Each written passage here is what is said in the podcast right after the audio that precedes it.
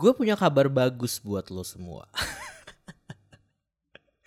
kabar bagusnya apa? Karena gue berhasil untuk mempengaruhi Nadia buat nonton. Buat lo yang belum tahu Nadia siapa, selamat datang. Karena itu berarti lo baru mendengarkan podcast ini. Dan FYI Nadia itu adalah partner gue di podcast sebelah podcast ngedrakor buat lo yang suka drama Korea silahkan dengar podcast ngedrakor gue kasih linknya di bawah jadi ketika episode baru udah keluar dia langsung heboh gitu ngabarin gue bahwa kayaknya gue bakal jadi tim Bright deh.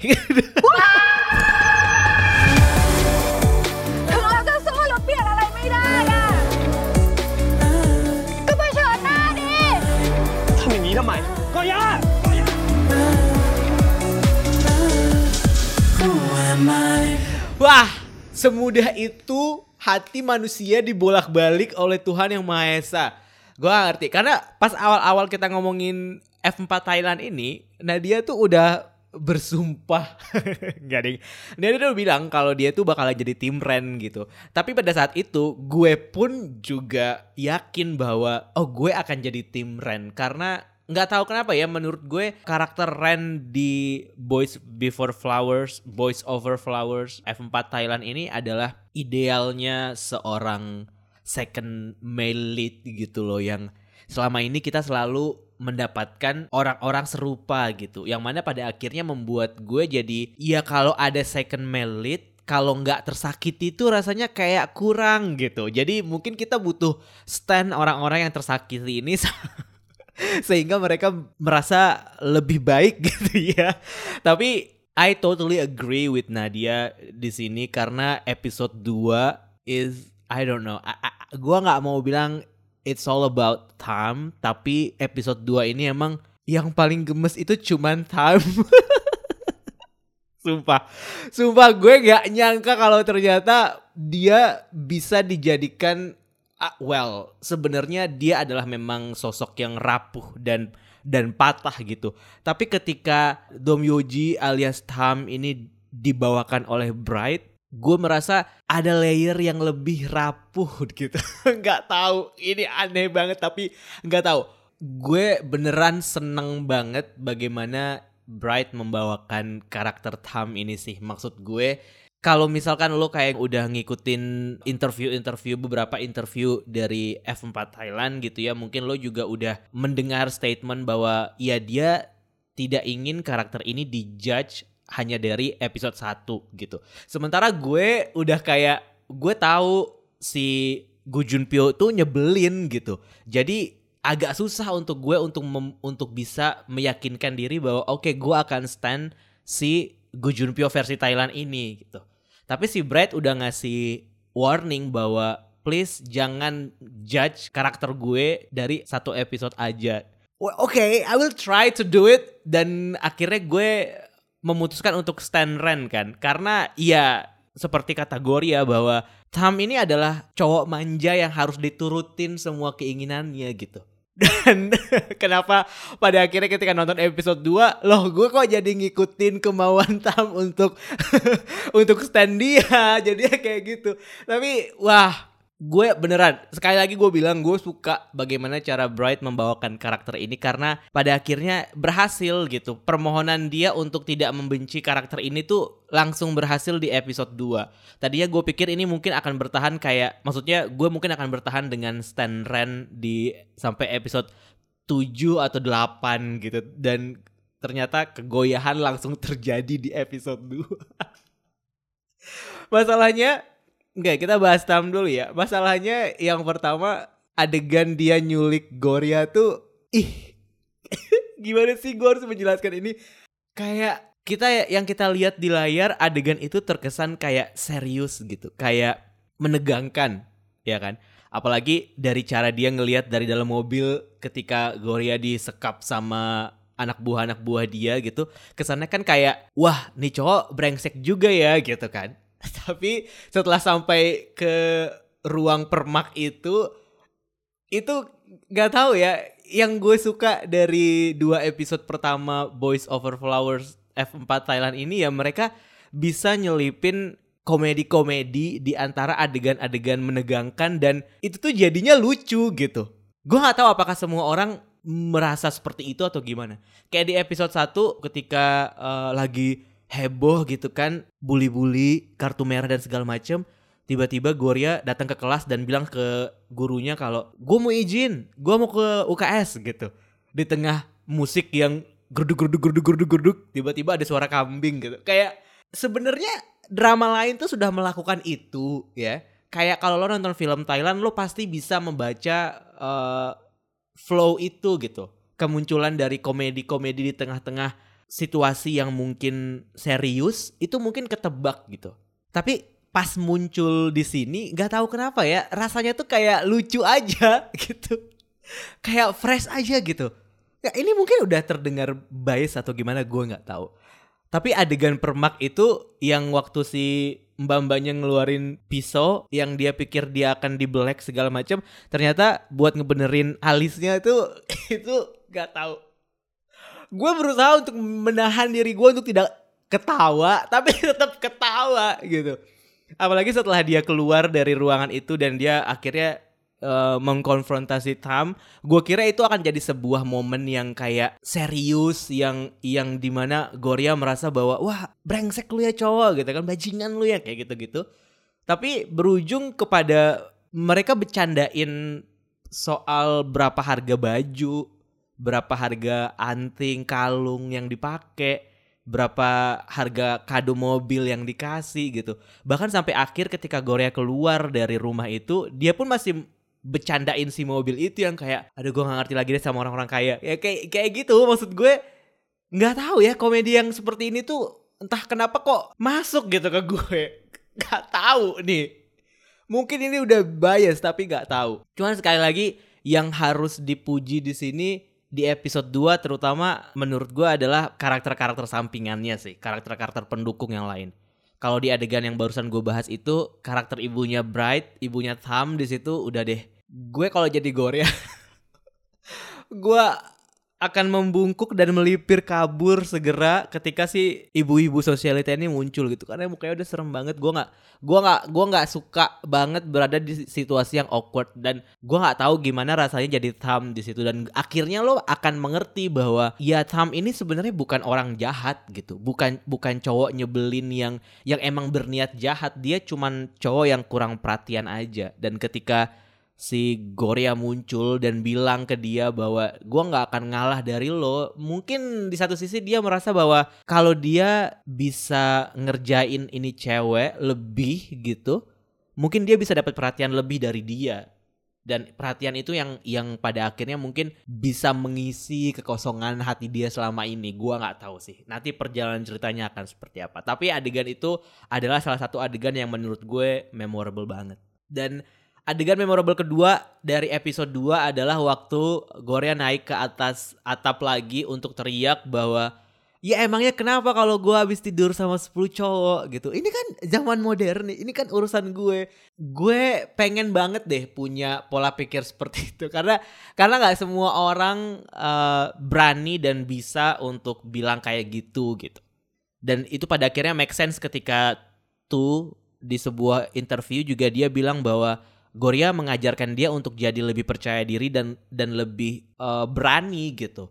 Karena ketika lo SMA dengan segala tuntutan kehidupan, apalagi lo posisinya adalah orang yang baru masuk ke sekolah kaya raya dan lo miskin gitu, tapi lo bisa punya pemikiran bahwa kenapa sih orang-orang ini ikut campur aja urusan orang lain gitu kan. Menurut gue itu keren sih. Dan sebagai orang yang udah bukan anak SMA lagi, gue merasa kayaknya emang di usia sekarang gue perlu melakukan itu gitu. Dan semua orang harusnya berpikir seperti itu dan lakukan apa yang menurut lo benar gitu. Lakukan apa yang menurut lo sesuai dengan value hidup lo. Ya kalau itu udah berurusan sama hal-hal kriminal sih tidak bisa dibenarkan sih. Tapi ketika lo merasa bahwa ya ini adalah keputusan gue dan gue yakin dengan jalan yang gue ambil be like Goria kayak nggak ada urusan sama orang lain sampai sekarang gue masih masih masih ingin bisa jadi orang yang sekuat itu sih jujur dan di situ adegannya juga gue suka karena akhirnya Ren muncul lagi dan kita disajikan sebuah hubungan yang lebih dari sekedar yang ditampilkan di episode 1. Karena gue udah melihat bahwa Ren udah mulai menemukan kenyamanan di Goria dan Goria juga sudah menemukan kenyamanan di Ren dengan cara dia uh, ngomong berterima kasih bahwa apa yang dia lakukan di hari sebelumnya gitu kayak gue merasa dialog mereka di atas atap itu adalah sebuah momentum bahwa hubungan mereka ke depannya akan jadi lebih berbunga-bunga gitu. Again, kita tahu bahwa Ren gak mungkin jadi sama Goria, tapi paling enggak dengan dekatnya Goria dan Ren, Goria jadi bisa nggak tahu ya. Gue merasa dia nggak butuh sih sosok pelindung itu.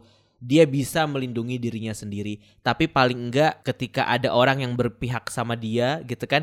Di episode 2 ini juga kita dikasih lihat bahwa semakin banyak orang yang berpihak sama Goria walaupun orang-orang itu ada di balik akun anonim gitu. Dan salah satu akun anonim itu adalah si Mira gitu kan.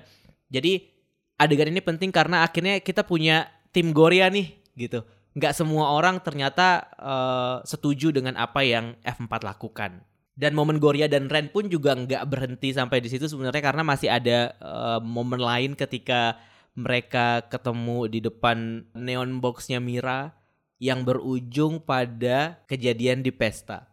Uh. Makanya tadi gue bilang kenapa supporting karakter di series ini adalah yang supporting karakter yang kita nggak bisa kesampingkan gitu Soalnya mereka yang membuat ceritanya jadi ya semakin berwarna dan berkembang. Dan pemilihan castnya pun menurut gue sangat pas banget sih. Kayak tiga cewek centil di sekolah itu dari awal kita tahu kalau mereka nggak mungkin tobat secepat itu gitu. Jadi ketika dia ditampilkan bahwa tiba-tiba dia jadi baik, gue sendiri juga oh gue udah tahu kalau ini orang bakalan melakukan melakukan hal yang uh, buruk nantinya gitu. Terlepas dari apakah gue sudah nonton versi-versi yang sebelumnya gitu ya, tapi bagaimana cara mereka menampilkan si Mean Girls ini ya gue sebagai penonton merasa bahwa manusia nggak mungkin berubah secepat itu gitu. Dan gue harap itu juga sih yang akan terjadi sama si Tam gitu sebenarnya. Gue nggak pengen ketika udah episode mungkin episode 5 karena kita uh, ini kan seminggu sekali gitu ya. Mungkin rentang waktunya cukup lama gitu gue nggak pengen dia karakternya dibuat langsung berubah 180 derajat gitu setelah bertemu sama sama Goria gitu. Entah kenapa gue merasa dari dua episode pertama ini ada harapan bahwa background story-nya Tam itu akan dibuat lebih deep dan perubahannya pun akan dibuat lebih masuk akal gitu. Itu sih yang gue nantikan. Terus gue tadi mau nyambung ke Mira. Gue gue suka banget, gue suka banget sama sama karakter ini dari versi-versi yang sebelumnya pun sebenarnya gue udah suka banget sama karakter ini. Karena dia adalah sosok yang paling dewasa di antara geng empat cowok nggak tahu yang tujuan hidupnya mau ke mana ini gitu. Dan dia sendiri sudah menegaskan bahwa oh Ren itu bukan cowok gue di mana Goria merasa bahwa dia tidak melewati batas antara Ren dan Mira gitu karena gue yakin Goria pun bukan sosok yang mau melewati batas itu gitu. Dia sangat menghormati Mira sebagai sosok yang yang dia jadikan role model karena kalau nggak gara-gara si Mira dia mungkin nggak akan masuk nih ke SMA laknat ini gitu dan gue suka bagaimana cara Mira melindungi Goria. Gue lupa dialognya persisnya apa, tapi di situ si Mira mengisyaratkan bahwa nggak semua orang di lingkungan orang kaya ini kelakuannya itu buruk gitu. Paling nggak Mira me menampilkan itu lewat tindakan dia dan Ren pun mendukung tindakan itu. Sementara si Tam mungkin memang karena dia nggak sedekat itu sama Mira gitu. Gue yakin sih. Karena kalau dia mungkin sedekat itu sama Mira, gue gue merasa sikap dia nggak mungkin akan sekanak-kanakan itu sih sebenarnya. Tapi ketika dia udah dihadapkan dengan dua orang inner circle dia yang ngedukung cewek di luar inner circle dia, marah dong pasti. Gue juga kalau jadi Tam, gue marah dong. Ya gak sih? Kayak, Ren, gue temen lo. Temen lo dari kecil. Kenapa lo malah ngedukung si orang yang baru datang berapa hari yang lalu ini gitu. Kita baru di episode 2 loh gitu kan. Pasti marah sih. Jeleknya Tam adalah dia bukan orang yang jago ngomong, dia bukan orang yang jago berkomunikasi. Itulah kenapa ketika dia ngebawa Goria pulang ke rumahnya untuk didandani di uh, hari sekolah di awal episode 2 ini sebenarnya niat dia baik gitu ya kayak mau mau ngomong kayak ya gue mau nih berdamai tapi lu minta maaf sama gue gitu tapi caranya dia kan selalu salah karena dia memang nggak pernah mungkin nggak pernah dibesarkan dengan teknik atau teknik uh, cara komunikasi yang yang dalam tanda kutip manusiawi gitu mungkin. Pada akhirnya ya dia bertindak semaunya gitu. Dan ketika dia ngelihat Ren dan Mira baik sama Goria meledaklah dia. Wah tapi gue suka banget ending episode ini. Kayaknya memang ending episode ini yang bikin Nadia tuh dari Ren oleng. Oleng ke Tom sih menurut gue kayak emang the best. The best. Ekspresi dia abis cuman nggak sengaja itu kayak Sia, gue gue sebagai MJ dan Kevin kayak anjir itu kan ciuman pertama dia gitu. Dan ekspresi dia kayak penuh misteri sebenarnya. Karena nggak tahu uh, shocknya dia kan shock yang kayak se seolah-olah oh my god keperawanan gue udah udah di, udah diambil gitu. Tapi kalau gue jadi time mungkin mungkin juga ekspresi gue akan kayak gitu mungkin. Karena sebagai orang yang nggak jago berkomunikasi mengkomunika mengkomunikasikan emosi dan perasaan dia ketika dia merasa bahwa ciuman pertama itu adalah sesuatu yang penting gitu gue nggak tahu sih apakah Sam juga sosok yang romantis atau gimana. Karena kalau kita lihat sebelum adegan itu dari sudut pandang Gloria si Kaning sama bosnya di tempat jualan bunga kan udah bilang bahwa uh, first kiss itu adalah sesuatu yang romantis gitu sesuatu yang nggak bisa lo dapatkan untuk kedua kalinya karena ya cuman terjadi satu kali gitu. Dari situ kan mungkin Goria sendiri udah punya perspektif sendiri tentang first kiss gitu. Walaupun mungkin kita nggak diceritain kayak nggak diromantisasi lah first kiss idealnya dia seperti apa. Mungkin Goria berharap bahwa ketika dia sama Ren ada di depan balihonya Mira itu, itu akan jadi first kiss dia gitu.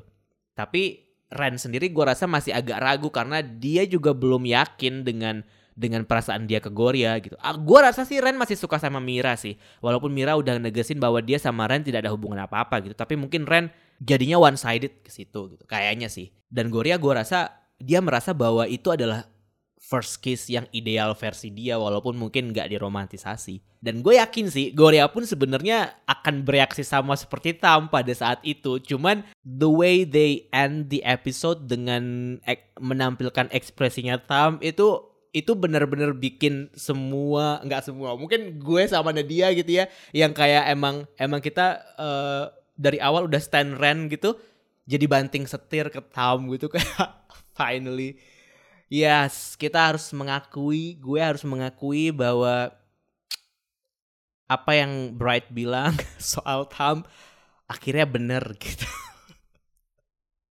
shit shit huh, harusnya harusnya nggak oleng, harusnya tetap sama Ren. Oke, jadi episode 3 gue berharap Ren akan jauh lebih adorable dan akan jauh lebih bertindak gitu ya. Akan jauh lebih menonjol walaupun mungkin tindakan Ren di episode 3 akan setara dengan apa yang dilakukan Tom di episode 3 ke Korea gue juga nggak tahu.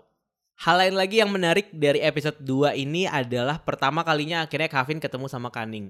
Gue nggak tahu kenapa tapi kenapa tiba-tiba mereka terlihat sangat akrab gitu ya di pertemuan pertama ini. Memang udah gue tunggu-tunggu sih si Kevin sama Kaning tapi dua episode pertama Kevin nggak terlalu menonjol juga gitu. Kita cuma dikasih lihat bahwa oh ya yeah, dia playboy gitu dia suka terisam segala macem tapi belum ada sesuatu yang yang lebih yang lebih deep soal kepribadian dia. Yang gue suka sebenarnya dari screen time yang sedikit itu kita udah dikasih lihat bahwa nggak semua orang di F4 ini sebenarnya mau dan suka melakukan apa yang Tam lakukan gitu, terutama MJ dan Kevin. Walaupun ketika Tam sedang ngebully orang-orang di Kosher Stadium, itu tuh kayak yang ada di situ pasti si Kevin sama MJ dan Ren kadang-kadang nggak ada di situ atau mungkin Ren juga tidak pernah menunjukkan ekspresi bahwa dia uh, tertarik atau atau menikmati adegan bully-bulian itu gitu.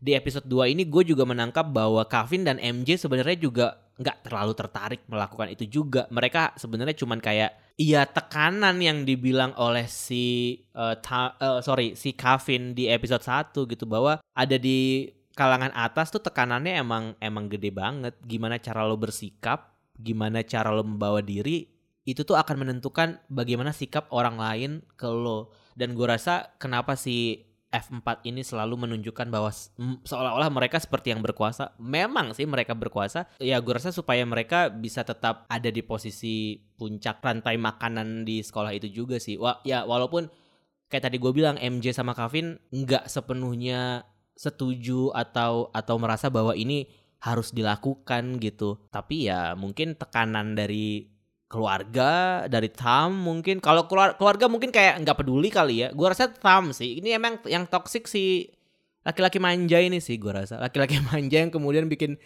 kita semua oleng ke dia gitu. Tapi itu sih.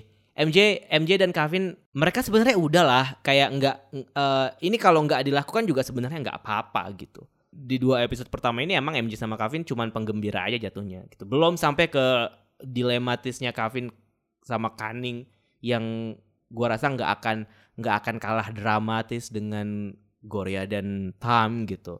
Gue sangat menantikan itu sih. Dan gua rasa gue juga akan menantikan bagaimana cerita ini akan memberikan sudut pandang berbeda atau sebuah storyline lain ke MJ sih sebenarnya. Kalau kata Nani, MJ itu kan anaknya sangat suportif banget ke F4 gitu ya. Pokoknya apa pun tuh demi F4 aja gitu. Dia paling nggak suka ngelihat kalau pertemanan dia itu jadi kacau balau dan hancur lebur gitu. Gue merasa itu sesuatu yang penting atau sesuatu yang menarik untuk dieksplor lebih sih sebenarnya. Karena kalau di nggak tahu kalau gue inget di versi Koreanya pun kayak karakter ini nggak terlalu dominan juga gitu. Gue gua berharap di versi ini karakter MJ bisa jadi lebih at least ada satu heroic moment lah gitu yang bikin kita jadi bisa. Kayak sekarang kita oleng dari Ren ke Tham gitu mungkin di episode selanjutnya kita bisa oleng ke MJ juga gitu. Karena ya ini F4 bukan F2 kan ceritanya bukan F3 gitu. Yang versi Korea gue merasa tuh terlalu F3 sih. Nggak nggak berasa F4 nya jadi gue berharap nih yang versi Thailand bisa lebih F4 sih Oh, ini tapi satu hal yang harus gue kasih tahu sih. Jadi ketika biasalah, gue kan anaknya emang overshared ya. Jadi setelah gue nonton episode 2 kan gue update ke Insta Story bahwa eh gue suka banget episode 2 terutama adegan ending episode 2 gitu. Terus uh, satu teman kuliah gue menanggapi Insta Story gue dan dia bilang kayak gini. Gue ketika tahu mereka mau remake Hanayori Dangu, gue bilang kayak kenapa sih mereka harus bikin remake ini dan ketika episodenya keluar tapi gue nggak berhenti nonton? Gue nggak bisa berhenti nonton kata dia. Exactly. Gue pun juga gitu nah dia pun juga gitu kemarin kayak kenapa sih mereka harus bikin ini? Gitu. Tapi ketika kita nonton kayak ini tuh lucu. Ini tuh bagus. Ini tuh layak untuk diberitahukan ke semua orang supaya lo nonton sih kalau menurut gue itu aja sih yang mau gue omongin hari ini. Uh, anyway tapi ada satu uh, kemarin kan gue sempat nulis di episode yang sebelumnya gue sempat ngasih email gue di kolom keterangan episode podcast yang kemarin. Kalau lo punya sesuatu yang ingin lo sampaikan lo bisa send voice note ke email itu ya. Untuk yang episode 2 kalau ada sok kirim voice note ke email itu. Dan kemarin nggak kemarin hari ini gue menerima satu email dari uh, namanya Nadila. Dia nulis subjek dengan huruf besar semua Hai aku penggemar F4 Thailand juga gitu. Terus dia bilang uh, Dear Karonzi Kak sumpah gue dengerin podcast lo tentang F4 Thailand di Spotify gue suka banget Tanda serunya banyak banget. By the way, gue bucin banget nih sama Du. OMG, second lead syndrome lagi. Seneng banget nemuin orang Indo yang juga se-hype itu sama F4 Thailand ini. Please, gue tunggu episode 2-nya ya. Uh, gue mau tahu reaction lo tentang episode 2. Gue sampai nggak bisa tidur nungguin hari Sabtu besok. Ditunggu ulasan di episode 2. Terima kasih dari Nadil. Terima kasih Nadila atas emailnya. Dan kalau misalkan lo juga pengen ngirim voice note atau lo pengen ngirim komentar kayak gini, email ke gue, gue akan bacain di episode 3. Dan anyway, terima kasih udah dengerin episode ini. Sampai jumpa minggu depan.